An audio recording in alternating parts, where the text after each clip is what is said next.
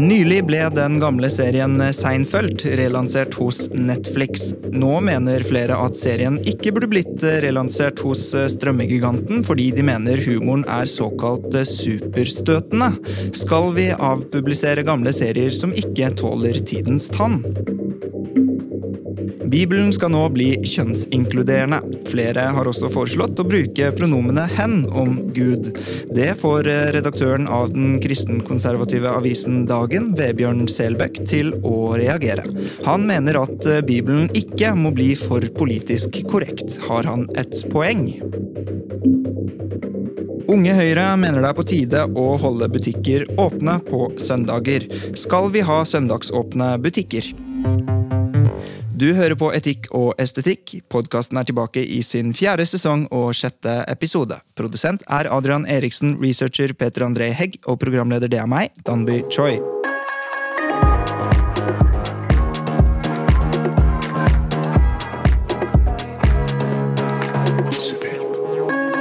Med meg i studio har jeg høyskolelektor og samfunnsdebattant Hanan Abdelrahman. Abdelrahman er utdannet lærer og har matematikk fra NTNU, Oslo OsloMet og Ain Shams University i Egypt. Og jobber i dag ved Høgskolen i Innlandet.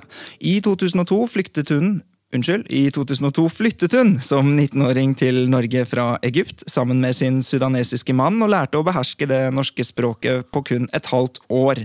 Hun begynte ganske tidlig med å undervise barn. Eh, i matematikk, og i 2012 startet hun Matematikkhjelperen, et selskap for å hjelpe barn med tallene. Og i 2017 fikk hun Holmboe-prisen for å fremme god undervisning innen matematikk. Hun er ikke bare glad i matematikk og utdanning, men har også bidratt i debatter om hijab og om å brenne Koranen, blant annet. Abdel Rahman mener det skal være opp til enhver. Eh, om man selv ønsker å bruke hijab, og kunne ikke brydd seg mindre om at folk bruker tid og ressurser på å brenne bøker, så lenge hun selv har mulighet til å være troende.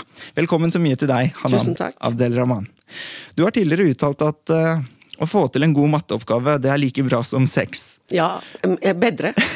Her mener jeg du får et eh, forklaringsproblem, men vær så god, prøv igjen. Hvordan kan du mene det? Jo, det er jo den euforien da, eh, man får når man får til eh, noe vanskelig man har tenkt lenge på og sånn, som på en måte engasjerer alle hormonene og alle hjertene, cellene dine. Det mener jeg kan være så vel eh, så eh, på en måte eh, tilfredsstillende, kanskje enda mer tilfredsstillende enn akten, da. Ja, nettopp. Og hvordan kom du egentlig til å finne ut det at matematikk, det er noe jeg vil drive med? Jo, det egentlig på barneskole, det som sjokkerer mange, det er mange som ikke tror meg, da, når jeg sier jeg var ganske dårlig egentlig i matematikk. Det var sånn bekymringsmeldinger hjem og alt mulig rart. Og så skjedde det at jeg møtte den riktige læreren da, eh, på ungdomsskole, som klarte å se meg og klarte å forklare meg på den måten som appellerte til meg. da, Hanan. Nettopp. Eh, og du har eh, også tidligere Nei, du er også veldig opptatt av naturvitenskapen, og så er du også troende. Mm. Hvordan får du det til å gå opp? Jo, eh, jeg ser ikke noen motsigelse. Eh, tvert imot. Altså, alt som vitenskapen klarer å bevise og sånn, viser at det er noe større krefter enn oss sjøl. Så jeg velger å se det på den måten. Samtidig er jeg åpen for ting som kanskje ikke stemmer helt med min tro 100% Så du kan si at jeg er litt sånn type hippie-muslim. Jeg er bare meg sjøl, jeg. ja, for du, du, er ganske mye mer liberal enn mange, ja, mange troende. Eh, og, og, og har du, hvordan har du opplevd det i et uh, trossamfunnsmiljø, eller? Jeg bryr ikke meg om noen, jeg. Jeg bare gjør det jeg syns er riktig. Og så får folk tåle meg eller ikke tåle meg. Det viktigste er at jeg lever på den måten jeg syns er riktig. Veldig bra. Og ved hennes eh, side sitter eh, forfatter, skribent og podkaster Espen Goffeng. Han har utdannelse i Nord-Amerikakunnskap fra UiO, og har vært eh, foreleser i amerikansk historie og sivilisasjon ved samme universitet. Goffeng har også gitt ut boken Dødelig farvann om Israels angrep på Free Gazas fredsflåte samme år, og boken Vikeplikt for Høyre fra 2017 om de liberale demokratienes høyrevridning de siste ti årene årene. Ikke minst så er han ny spaltist i Nettavisen og mannen bak podkasten Goffeng på leting. Velkommen så mye til deg. Takk, takk. Goffeng på leting, hva er det du leter etter? Svar, egentlig. Eh, hva er det som gjør at ting er så kaotisk om dagen? Hva er det som gjør at ting er så voldsomt i fluks? velgermasser som sklir fram og tilbake, og nye partikonstellasjoner og gamle styringspartier som går på dunken. det foregår veldig mye. Um, og de fortjener svar, alle de spørsmålene her. Det er det jeg leiter etter. Hva er det som, er det som skjer? Nettopp. Og du har vært eh, Du har undervist på UiO, men ikke gjør, gjør, ikke det lenger. Nå snakker du til en større aula på en måte i offentligheten. Hvorfor valgte du å bytte yrke? Eh, jeg har egentlig ikke valgt å bytte yrke. Jeg har ikke prøvd å få meg noe fast jobb på Blindern. Jeg har dukka opp når de har trengt folk der oppe. Um, um, så det, det, har vært uh, tiltalende lenge å delta i den offentlige debatten. Liksom. Når du først har begynt, så er det vanskelig å slutte. Uh, uh, hva er det han sa for noe? Paul Henry han sa noe i nærheten av Når du først har begynt å snakke offentlig, så begynner du å lete etter grunner til å snakke offentlig. Ja. Uh, det er sikkert mange mange offentlige kommentatorer som kjenner litt på det avhengighetsforholdet der. Ja, ja, ja. Men, men um, du har snakket eh, varmt om alternative medier, eh, blant annet. Kanskje det også var på leting etter enten et svar eller etter noe å skrive om. Men hva er det som fascinerer deg med alternative medier? Ja, det kommer helt an på hvilke alternative medier du snakker om. Hvis du snakker om Resett, så har jeg ikke snakka varmt om Resett, f.eks. Eller Dokument, for den saks skyld. Eh, det er, men det er mye det er mye outputs om dagen som er veldig interessante, som gjør en mye bedre jobb, føler jeg, enn mye av det som i USA kalles legacy-medier uh, uavhengige stemmer som befinner seg et eller annet sted på midten, og er villige til å liksom kaste glør i begge retninger og, og påpeke liksom, uh, feilene som gjøres overalt. Uh, sånne uavhengige stemmer snakker jeg veldig mye varmt om. og hva er det som er fint med dem? For det første at de er uavhengige, veldig mange av dem. Man skal være litt forsiktig òg, selvfølgelig, for de sklir jo fram og tilbake på de politiske spekteret, disse folka her også ofte.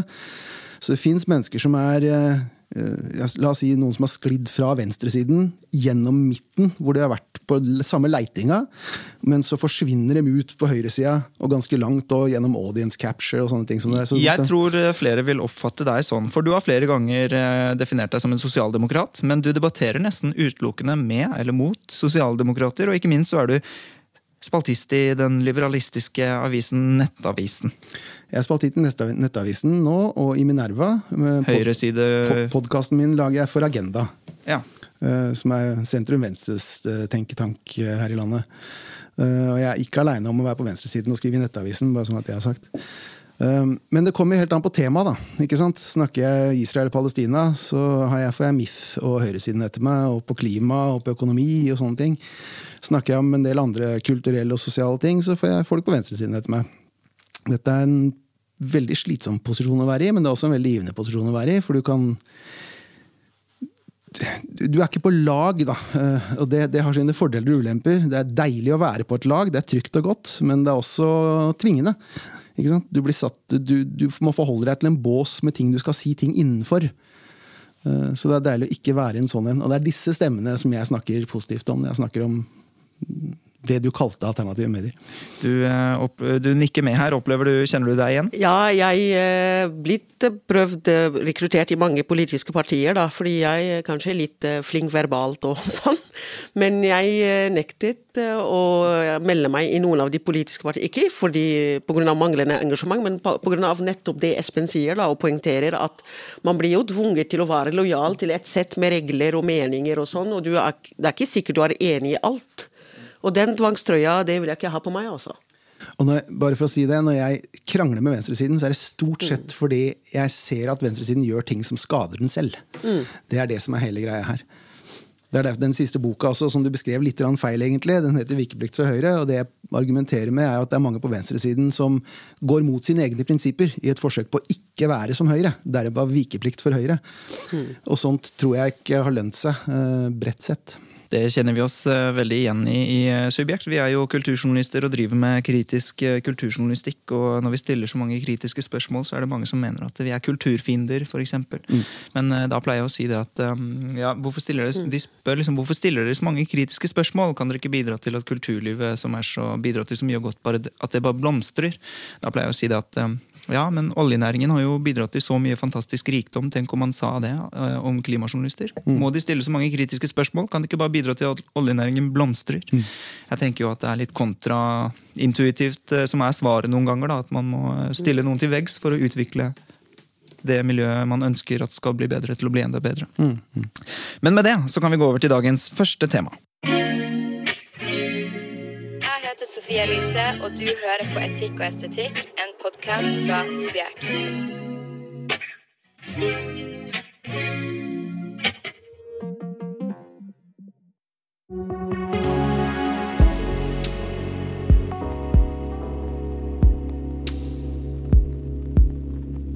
Nylig ble den gamle serien Seinfeld relansert hos Netflix, og det reagerer mange på.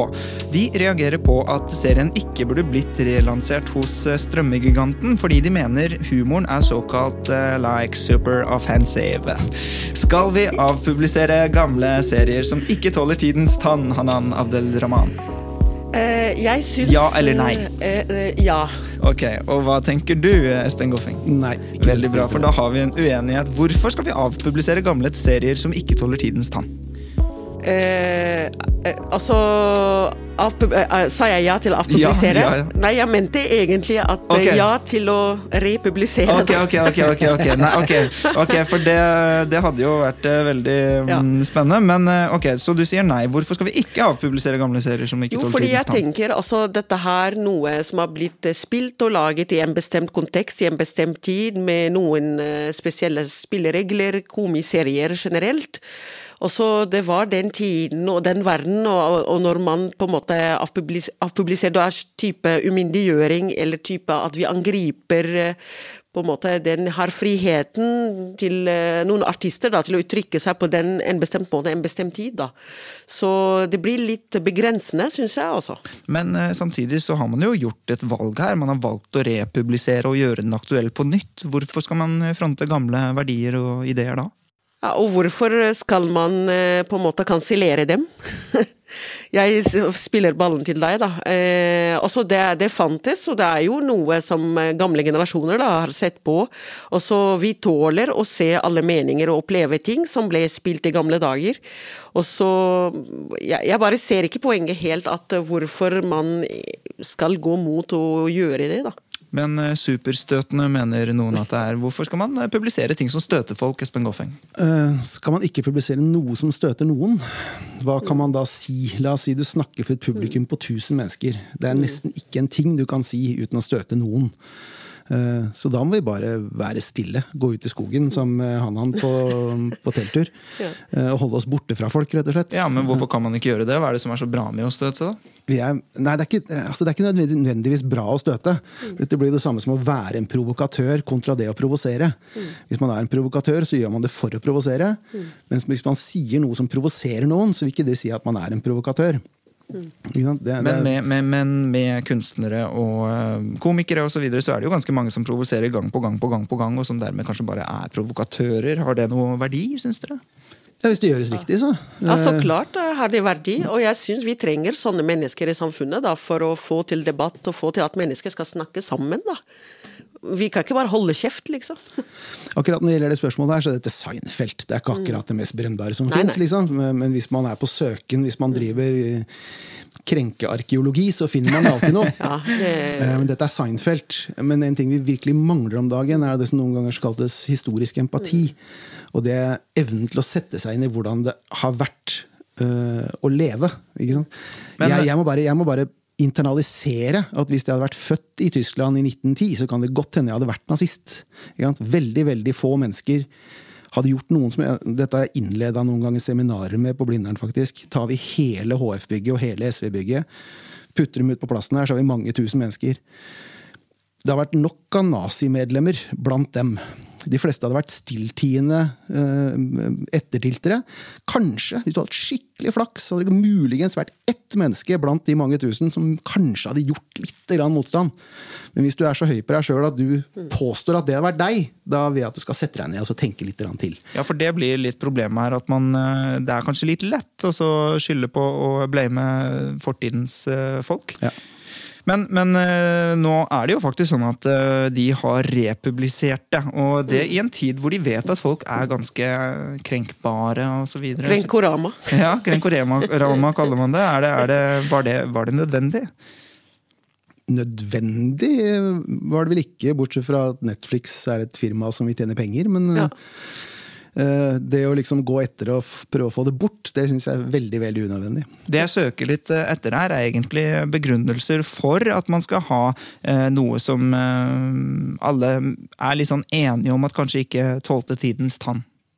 Men det betyr sikkert noe for den generasjonen da, som opplevde Seinfeld når den ble publisert. Også det, det er ikke bare, de er ikke bare de unge seere da, som eh, på en måte skal se på Seinfeld da, når det blir publisert. Vi må tenke på de som egentlig har sett den når den ble publisert. Da. Og de, altså Skal de ikke få glede av å se den på nytt, på en måte? Greia er at Seinfeld er gøy. Ja. Eh, Altså, skal man ta bort alt som er gøy, som ikke krenker noen? Men det er jo ikke alt, eh, alt her som de faktisk synes er gøy. Eh, og jeg har litt lyst til å tenke på disse som for, Det er blitt laget lister på nett da, med liksom vitser som, ikke de, som de mener ikke tåler tidens tann. Og eh, det er mye som går på rase og eh, innvandrerbakgrunn eh, og alt det her. Og hadde man laget dette på nytt, så hadde det ikke sett sånn ut, mener de. Hva er det man mister da? At, tror dere det er bra at eh, vi La oss si at, det, ja, at vi har blitt mer sensitive for disse tingene.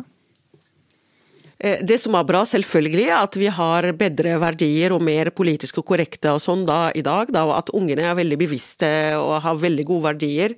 Og selvfølgelig, hvis man lager noe lignende i dag, så er det mange ting man må passe på.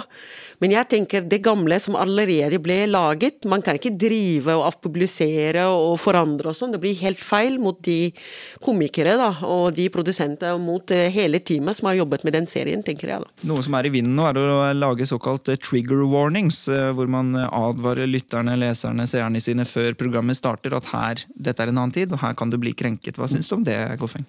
Stort sett så er det helt harmløst. Um, Men det, det kan bli et problem når det trekkes for langt, ikke sant. Um, Men det å, sette en sånn advarsel foran Seinfeld, det er ikke å trekke for langt. Det bare tar noen sekunder, og så er det borte. Um, Det blir verre når man begynner å plukke ting ut av uh, pensumer, f.eks. Pga. at folk kan trigges av det. For det første driver man da faktisk historierevisjon. Det er veldig sjeldent bra. Um, Det er vel ikke Også, revisjon å ikke undervise i det, men eh, du mener det er like kritisk, kanskje? eller? Ja, altså Hvis man fjerner essensiell informasjon fra historieundervisning, så bedriver man historierevisjon. For da tar man bort ting som er viktig.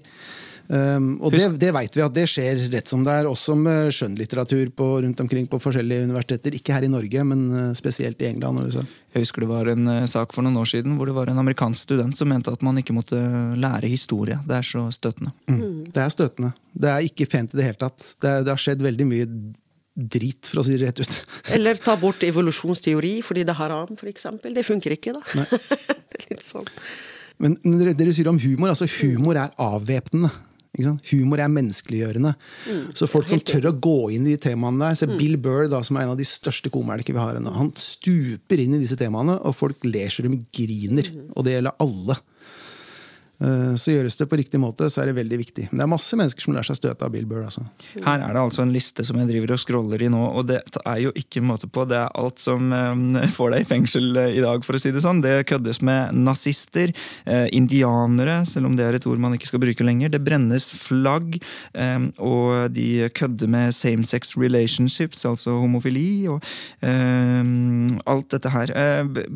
Hva tror dere? Tror dere at en sånn tid hvor man er veldig sensitive for disse tingene, kan bidra til at eh, eh, humoren gjør det enda mer? At det blir enda viktigere? Eller tror dere folk legger bånd på seg? Folk legger bånd på seg. Jeg tror folk legger bånd på seg. Jeg er enig med deg, Espen. Ja. Og hva er det samfunnet går glipp av da? Samtale. Hva er viktigere? Og så ærlig uttrykk fra mm, artister og komikere og kunstnere. Det er litt skummelt, egentlig. altså. Ja, det er det. For det er, det, det er ting som kan binde folk sammen, med mindre man bestemmer seg for at de ikke skal gjøre det. Um, og du snakka om å å fleipe med nazisme, f.eks. Det er litt artig å se på noen ganger at den generasjonen som gjennomgikk andre verdenskrig, de tålte fleip med nazisme. Mens folk som har vokst opp, som ble født for 20 år siden, de tåler ikke fleip med nazisme. Med nazisme. Dette er helt absurd. Ikke sant? Uh, altså Mel, Mel Brooks, når han lagde filmen sin Det våres for Hitler, var ikke det den heter på norsk? Det, det, levde millioner av mennesker som hadde vært gjennom andre verdenskrig da, og de hadde ikke noe problem med det. Mens den generasjonen som Ja, nå generaliserer vi veldig med den generasjonen, men men, det er, men det er nå dette har blitt et problem, liksom. Og det er ganske absurd. Eh, Vi arrangerte jo en hijab-debatt eh, som Hanan Abdel Rahman var med i eh, for et par uker siden. Og i eh, den gangen så var det jo også en del sånn um, hvite jenter som reagerte hos oss da, på at vi eh, arrangerte den debatten. Og Ja. både bærere av hijab reagerte ikke spesielt mye, og de som eh, kommer fra Iran, de reagerte ikke spesielt mye. Samme gjelder også uh, for eksempel eh, Eh, Det er en sånn sketsj hvor en mann går med sånn eh, kinesisk eh, folkedrakt i eh, Chinatown. Og så spør han eh, hvite studenter om eh, de syns det er eh, støtende, og de sier ja, ikke gjør det, det er ikke greit. Og så spør han kinesere, og de syns han er så søt, da, som bruker, bruker drakten deres. Eh, Hva er det som har skjedd? Kan noen forklare dette? Eh, Du, du, du, du sa i stad at indianere er et navn man ikke skal bruke lenger. Det kommer helt an på hvem du spør. Hvis du spør nordamerikanske indianere, så er nordamerikanske indianere deres prefererte navn.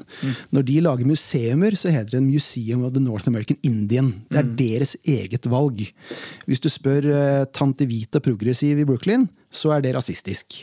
Ikke sant?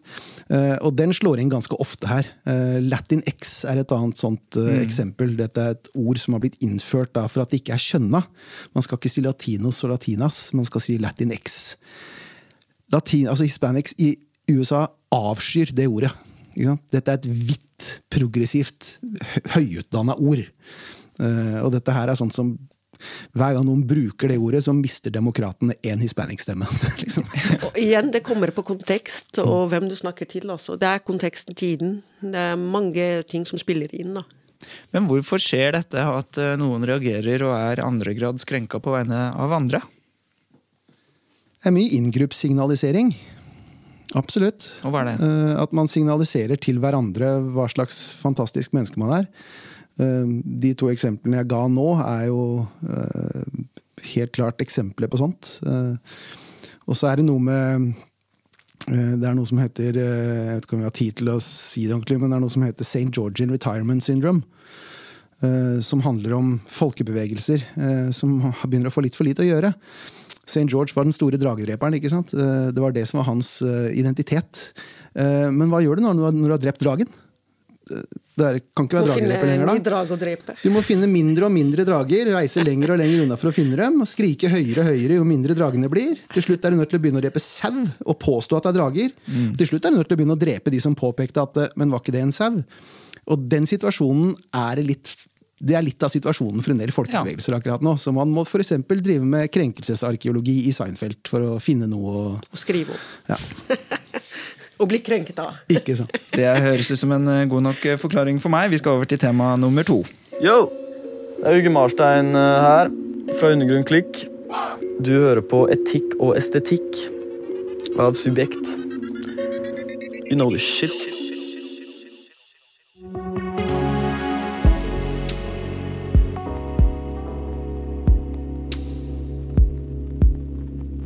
Bibelen skal nå bli kjønnsinkluderende. Flere har også foreslått å bruke pronomene 'hen' om Gud. Det får redaktøren av den kristenkonservative avisen Dagen, Vebjørn Selbekk, til å reagere. Han mener at Bibelen ikke må bli for politisk korrekt. Har han et poeng, Espen Goffeng?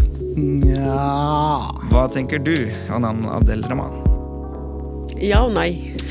Ok, dere får, eh, lov til å tvile, dere får lov til å tvile ved ett spørsmål. Hvorfor eh, tviler du ved det? Kan man, eh, skal man begynne å kalle hen for Gud? Da? Gud for hen, da? Eh, akkurat det spørsmålet er det jeg tenkte på å oppdatere Bibelen. Okay. Eh, I motsetning til Seinfeld så er dette her bøker som folk faktisk lever etter. Det påvirker folk, og hvordan de, noen mennesker lar sitt moralsystem styre av disse bøkene. Ikke mange her i Norge. Men rundt omkring i verden, eh, både i den muslimske verden og i den kristne verden, så lar folk seg påvirke av hva som står i disse bøkene. Ja, Gir det noe bedre grunn til at man skal revidere etter politisk korrekte tendenser? Ja, Ja. fordi disse bøkene er skrevet i barbariske samfunn i Ja. barbariske tider. Heller PK enn barbarisk. Verden var ikke pen for 1600 og 2000 år siden. Ja, 2600 år siden, eh, år gammel, er den første bibelske fortellingen. Ikke sant? Så det, dette er noe litt annet enn Seinfeld. da. Eh, Jeg har sett intervjuer for eksempel, med, med evangeliske kristne i USA som slår barna sine fordi det står i Bibelen liksom, Thou shalt not spare the rod lest you spoil the child. Altså, Ja, Men skal man ikke heller lære folk til å ikke gjøre akkurat som det står i alle bøker, i stedet for å endre bøker? jo, det kan du si. Det, for det, det er derfor jeg tviler, ikke sant? for dette er også historiske dokumenter. Eh, og, og da begynner jeg liksom å eh, Da er det ikke noe ålreit å endre igjen. Nei. Så, det er, så det, de lever i en litt sånn mellomstadie. Disse, altså akkurat når det gjelder disse religiøse skriftene, så, så blir det liksom litt annerledes. Hva er det som får deg til å tvile sånn? Eh, Det som får meg til å tvile, at jeg skjønner det behovet for eh, å revolusjonere da, eh, etter de nye reglene i samfunnet, og modernisere det som er gammelt.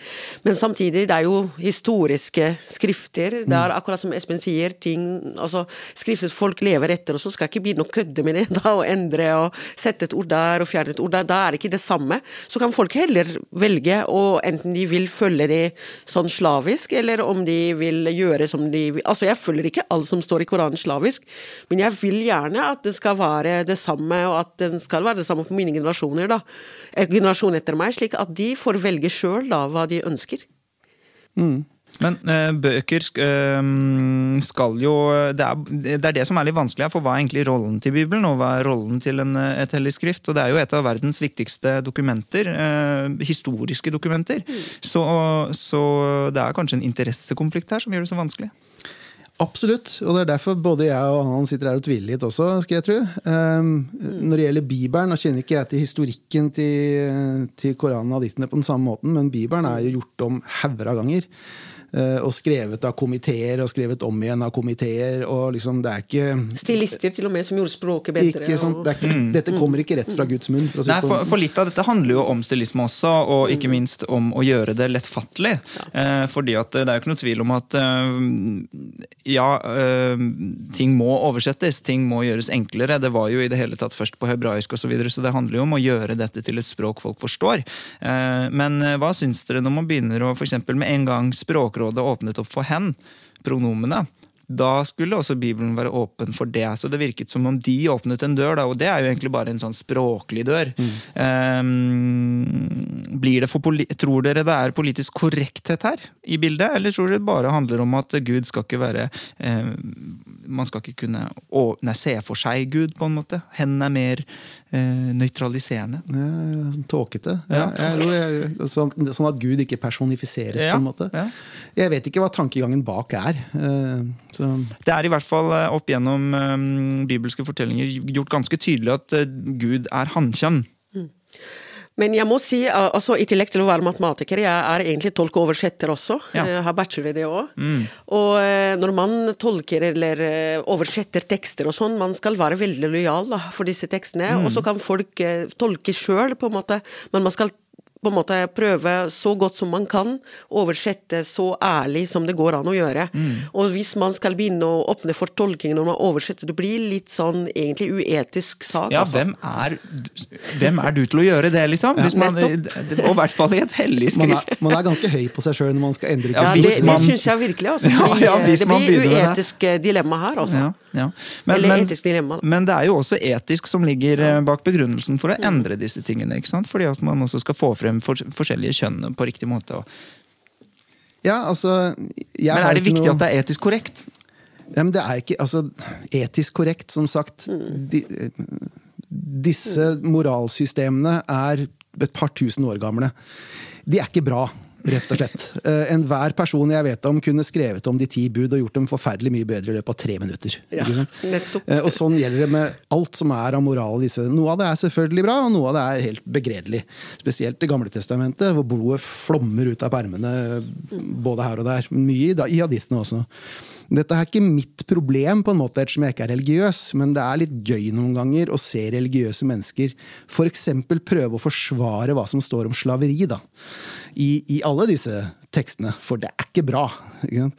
Eh, Så det handler jo om etikk når man skal gjøre om ting. Nå vet jeg at det å bare men bruke ordet samtidig- hen istedenfor, det er en liten ting, men ja, så Men samtidig, hvis man skal gå i gang da og endre og sånn, så må man være veldig transparent og forklare uh, hvordan man har gjort det, og hvorfor man har gjort det. Og ikke bare fremstille det som uh, objekt, nøytral, objektiv uh, sak. At man er ærlig på hensiktene sine. Det syns jeg i hvert fall de mottakere som skal få den nye versjonen, må ha et kapittel med den nye versjonen som forklarer all arbeidet som ble gjort, slik at det blir etisk forsvarlig overfor de mottakerne som skal lese den nye versjonen. Og i hvert fall at det tas opp i en debatt om hva som gjøres og hvordan og hvorfor. Og det er det jo eh, blitt nå, både i avisen eh, Vårt Land, som er en litt mer, litt mer progressiv avis enn eh, Dagen, i hvert fall, som er en mer på høyresiden og mer konservativ kristen avis. Eh, De to er uenige, virker det som, om hvordan man skal gjøre dette. Men også Frank Rossavik, som har vært litt kritisk til Eh, samme PK-kritikken da, mot eh, noen fra Bibelselskapet, eller hva det heter, de som Bibelrådet eh, under Den norske kirke, som faktisk har ansvaret for å oppdatere Bibelen etter språk. Da. Men, men eh, hva tenker dere om hva er liksom viktigst? At, eh, man, at det er et historisk dokument, der, eh, der Guds oppfordring til, eh, eller syn på slaveri kommer frem? Anno eh, år null? Eller at eh, man faktisk eh, oppdaterer synet på slaveri. Altså, jeg tenker at man må være ærlig. At sånn er Koranen, sånn er Bibelen. Så kan folk få lov til å velge sjøl om de vil beholde det eller gå fra det. Fordi altså, hvis man begynner å pynte på det og sånn, det blir ikke helt eh, Nei, man begynner å legge ord i munnen på Gud. Ja, det, det blir litt feil. Da, da Kanskje folk vil ikke være kristne eller muslimer og sånn. Da, da må de se sannheten. Da må de se historiske dokumenter som Ja. det er, da. Men vil de, være, bibel, vil de være troende hvis det står at eh, Gud var for å drive slaveri, da? Altså, det står jo. eh, Så Og de er jaggu eh, troende likevel? Ja da, det er de. Eh, Og igjen, det er artig å se folk noen ganger prøve å vri argumentene sine Mm. inn i kringleform for å få sin 2022-moral til å stemme med år 0 og år 600-moral. Men altså, jeg, jeg, igjen, jeg er ikke religiøs. Jeg hadde vært komfortabel med en, med en dette er his- Bibelen som den var, dette er Koranen som den var, dette er hadisene som den Men du vil, dette du er vil lese ting som det var? Du vil ikke ha sånn Ja, jeg har lest alt sammen, og jeg håper folk eh, leser det også. Eh, Men, men dette her er vår bibel nå, liksom. Eh, for meg hadde det vært helt greit. Og det viser jo også at Gud kanskje ikke er så allmektig og ufeilbarlig som noen Det vet mener han er. Det vet ingen, eller mener ingen? Ja, nei. Eh, Men, eh, men eh, kjenner du på kringleform-argumentasjon, eller at du må forsvare noe du selv synes er veldig rart? Eh, Og vanskelig å forklare? Selvfølgelig. Jeg kan ikke si at alt jeg tror på, på en måte er like logisk for andre som for meg, da. Så jeg, jeg opplever det noen ganger, men samtidig det er jo mitt syn på ting, det er veldig subjektivt, da. Så jeg prakker ikke mine synspunkter på andre. Men jeg tenker, når det er sånn, igjen, ting som er historiske og sånn, så det er veldig viktig at folk skal se ting Eller hvis man skal gjøre en endring, da. At man er veldig ærlig på den endringen og forklarer hva som ble endret og hvorfor, da. Og beholder den gamle versjonen et Ja, annet sted. et sted hvor, Ja. som kan folk sammenligne, da. Tenk så mye man har lost in translation sånn opp igjennom, for det er jo mange revisjoner. Å, ja. Og mange språk, og tenk, det- tenk så ulike det, eh, versjoner det finnes av dette her. Bare på Og grunn av språkligheter. Asbjørnsen og Moe-effekten. Og, Ja. Jeg vokste opp eh, kristent, eh, protestantisk kristent, og det mm, la jeg fra meg litt sånn uten å tenke over det, bare sånn underveis i livet, samtidig som min mor, som eh, tok meg med i kirken og sånn. Men jeg husker jeg var veldig redd, så med hver gang jeg begynte å tvile, så tenkte jeg ja, men det må jeg ikke gjøre, for det ser Gud. Um, er det mange som er religiøse av den grunn? Av frykt? Eh, Jeg ser ikke bort fra det. Nei. Ikke jeg, men eh, jeg ser ikke bort fra at noen er det, ja. Og det hadde jo ikke gitt noe mening å være religiøs hvis du ikke virkelig trodde at det hadde vært et svik å gå fra religion. Eh, For min del, eh, jeg, ser ikke på det som svik, men det er mer eh, kjærlighet, det er mer trygghet, da. Men eh, jeg vet om andre som blir på en måte Frykten styrer, og det er veldig synd, da. Ja, og hvor det er forskjell på sant, gulrotreligion og piskreligion. Ja. Ja, kombinasjonen er veldig eh, effektiv. Ja, ja, ja det, er, det er den i hvert fall. Ok, vi løste ikke, vi løste ikke Bibelen denne gangen heller. Det hadde jeg forventa meg at vi skulle. altså. Ja, vi, Men vi, vi får skulle vi ikke oversette den her nå? Jo. Da har vi endelig gjort det og leverer den fra oss. Og skal over til noe ja, i nærliggende landskap, nemlig søndagsstengte butikker.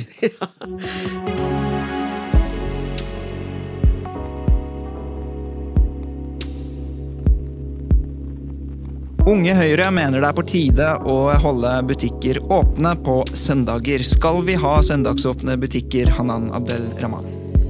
Eh, igjen eh, Nei. Hva tenker du, Espen Goffeng? Nei, beklager, dette blir kjedelig. Fy flate. Og jeg, dere får meg til å bli han kontrære, ikke sant? så nå må jeg ikke bare f- Ja, forsvare på. ja, ja, ja, forsvare Seinfeld-avpublisering, og nå skal jeg forsvare søndagsåpne butikker. Men det klarer jeg faktisk fint, jeg er jo liberalist. Han, eh, Abdel Rahman, Ja. studenter trenger jobb. De får ikke jobb, og de ønsker seg å jobbe på søndager. Jo. Hvorfor skal vi ha et forbud mot det? Fordi vi har klimakrise. Vi har jordklod jordklot som eh, sliter fra før, fra, fra forbruket vårt. Vi mennesker vi bruker som griser, på en måte. Og fordi jeg vil gjerne at disse studentene skal heller faktisk ta seg en dag fri, gå ut i skauen, gjøre noe fornuftig med familien sin. At det skal være et familieliv, da. Men det kan vi vel eh, gjøre uten å forby dem det motsatte? Eh, selvfølgelig. Jeg sier ikke nei, men jeg tenker at eh, det er litt greit også at eh, Fordi når man åpner butikkene på søndager, da, så det krever jo en haug ting rundt den åpningen, da. Man må åpne barnehager, man må på en måte Det er en del maskineri rundt det. Offentlig transport, forbruk, mye annet, da. Så det er ikke bare så enkelt som å åpne på søndager og ferdig Jo, med vi, det. har- vi har jo det fra, på mandag, tirsdag, onsdag, torsdag, fredag, lørdag. Ja. Det er jo bare å fortsette den det- Kan vi ikke jordkloden vår ta en fri på søndag, da? Ja, da spør jeg deg, Espen Goffeng. Må jordkloden ha en fri på søndag? Vi må ha fri av og til. Ja, ja, men, ja men studenter trenger Altså, de har jo ikke noen annen løsning. Jo da, de kan jobbe alle de andre dagene. Nei, men det er det, ikke de, de dagene så er, jo, er det jo ikke mangel på arbeidskapasitet. Vi åpner både for mer arbeidskapasitet og en eh, supply og demand på en eller annen måte. Ja da, det er et argument. Det er ikke tungt nok. Um, jeg har vært uh, Altså, ja, jeg kjenner til studenter, uh, han har sagt. Uh, så selvfølgelig har jeg sans for at de skal få seg jobb. Um, men men det, det, det argumentet veier ikke tungt nok, altså. Men nå er det sånn at jeg våkner på en søndag og trenger noe. Og så er det sånn at eh, en student ønsker å stå der og betjene meg. Og så er det i tillegg en eier av butikken som ønsker å tjene penger. Hva i all verden har du for et tungtveiende argument for å stoppe alle oss i å få oppnådd vårt ønske? Pause. Ja. Er det én ting som tar knekken på folk, så er det stress. Ja. Og det er for mye av. Altså, arbeidstid For veldig veldig mange så har arbeidstid flyter ut. Du slutter ikke på jobb klokka fire lenger, fordi det er kontakt overalt hele tiden. Og folk går rundt med gravende ting bak i huet hele tida. Det er nå ikke de som jobber mest på søndager, da. Men når du først begynner å åpne på søndager, så følger ting etter. ikke sant? Det er ikke sånn at disse tingene lever i et vakuum. Nei. Så, så du, du, du går rundt i New York, så er, er, byen har ikke pause på søndag. Ikke sant? Nei. Og ting går er det én ting jeg tror alle kan være enige om, så er det at vi har ikke for få sanseinntrykk om dagen. Vi har ikke for mye pauser. Vi slår ikke for mye av. Ikke sant? Og dette er bare én av mulighetene vi har til det. Den Å bli med han ut i skogen på en søndag, liksom, istedenfor å stå og jobbe. Jeg, jeg ser argumentet med at studenter trenger jobb. Det veier ikke tungt nok for å, å kullkaste hele denne greia her. Åh, nå kommer helga. Jeg vil beholde den, jeg. Gjerne.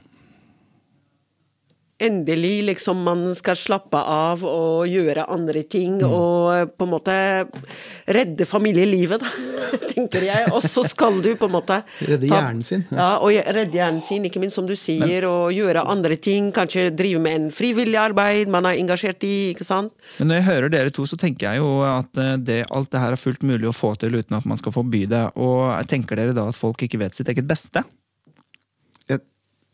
Ikke akkurat på det området her, men veldig ofte så vet ikke folk sitt eget beste, og det gjelder meg også. Jeg gjør mye ting som ikke er til mitt eget beste. Sikkert masse ting jeg ikke veit om engang, eller ting jeg tror er til mitt eget beste, som ikke er til mitt eget Ja, beste. men skal vi da ha en majoritet som eh, stemmer for det, og dermed utelukker deg fra å gjøre det de mener at du ikke er godt for deg? For det, det, altså det påvirker alle. Det er, sånn at, det er, ikke sånn at, hvis du ikke vil ha søndagsåpne butikker, så lar, så lar du deg ikke påvirke av et samfunn som plutselig er søndagsåpent.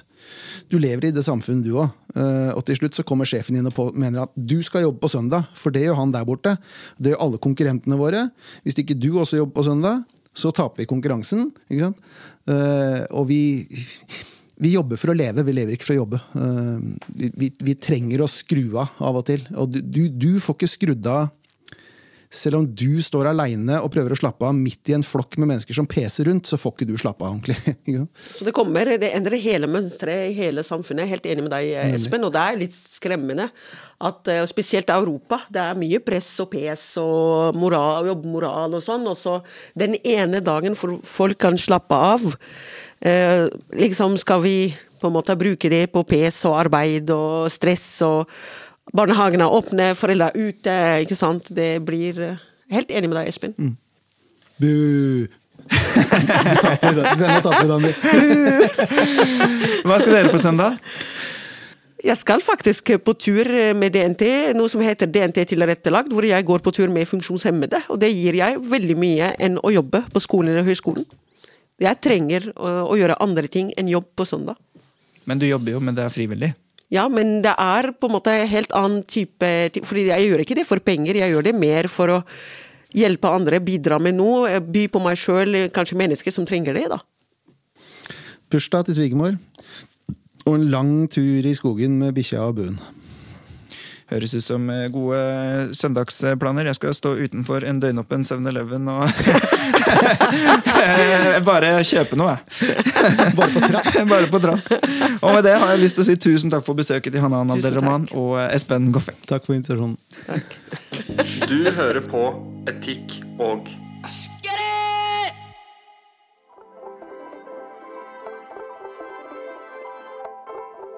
Tusen takk til eh, gjestene som eh, nok en gang eh, bidrar med kunnskap og klokskap til subjekt og etikk og estetikk.